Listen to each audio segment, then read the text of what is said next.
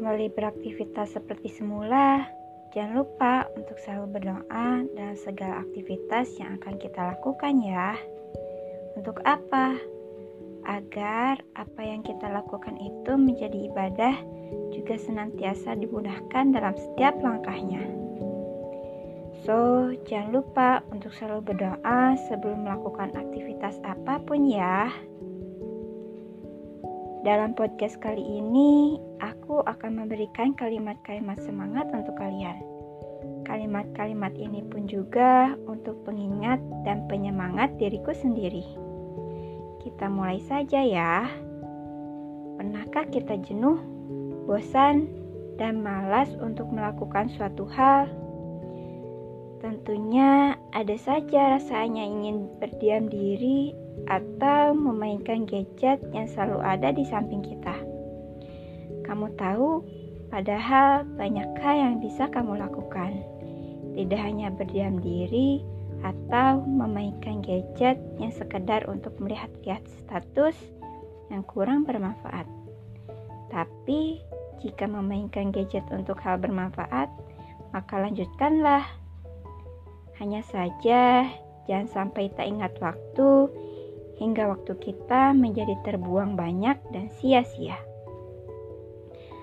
Aku pun merasakannya. Terlalu memainkan gadget sehingga waktu menjadi berkurang untuk melakukan hal yang bermanfaat lainnya.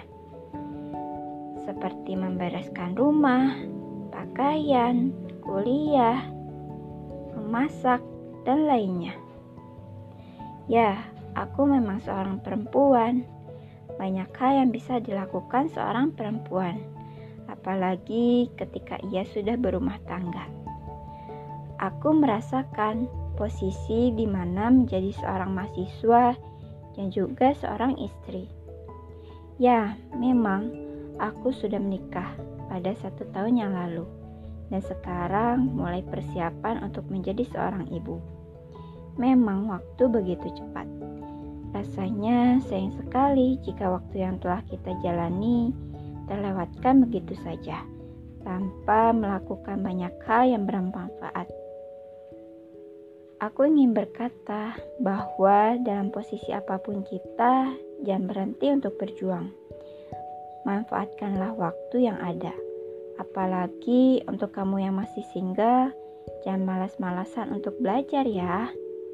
Mencari ilmu di zaman sekarang itu mudah, bisa di mana pun dan kapan pun, asalkan kitanya berniat dan bersungguh-sungguh melakukannya. Perbanyaklah kegiatan yang bermanfaat agar waktu kita bisa bermanfaat juga untuk orang lain. Berbakti pada orang tua dan hanya bisa mengeluhkan ini itu pada orang tua.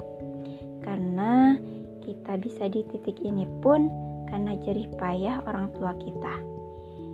Jangan membebankan lagi mereka dengan keluh kesah kita, tapi buktikanlah kita adalah anak yang baik, soleh, yang bisa membahagiakan kedua orang tua dan juga keluarga. Intinya, sebagai manusia, sebagai mahasiswa, sebaiknya kita melakukan hal yang bermanfaat. Pergunakan waktu mudamu dengan hal bermanfaat. Kurangi waktu leha-lehamu karena waktu yang sudah terlewati tidak bisa untuk dilewati kembali.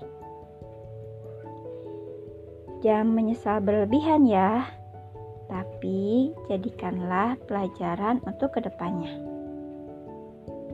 Sekian, semoga bermanfaat.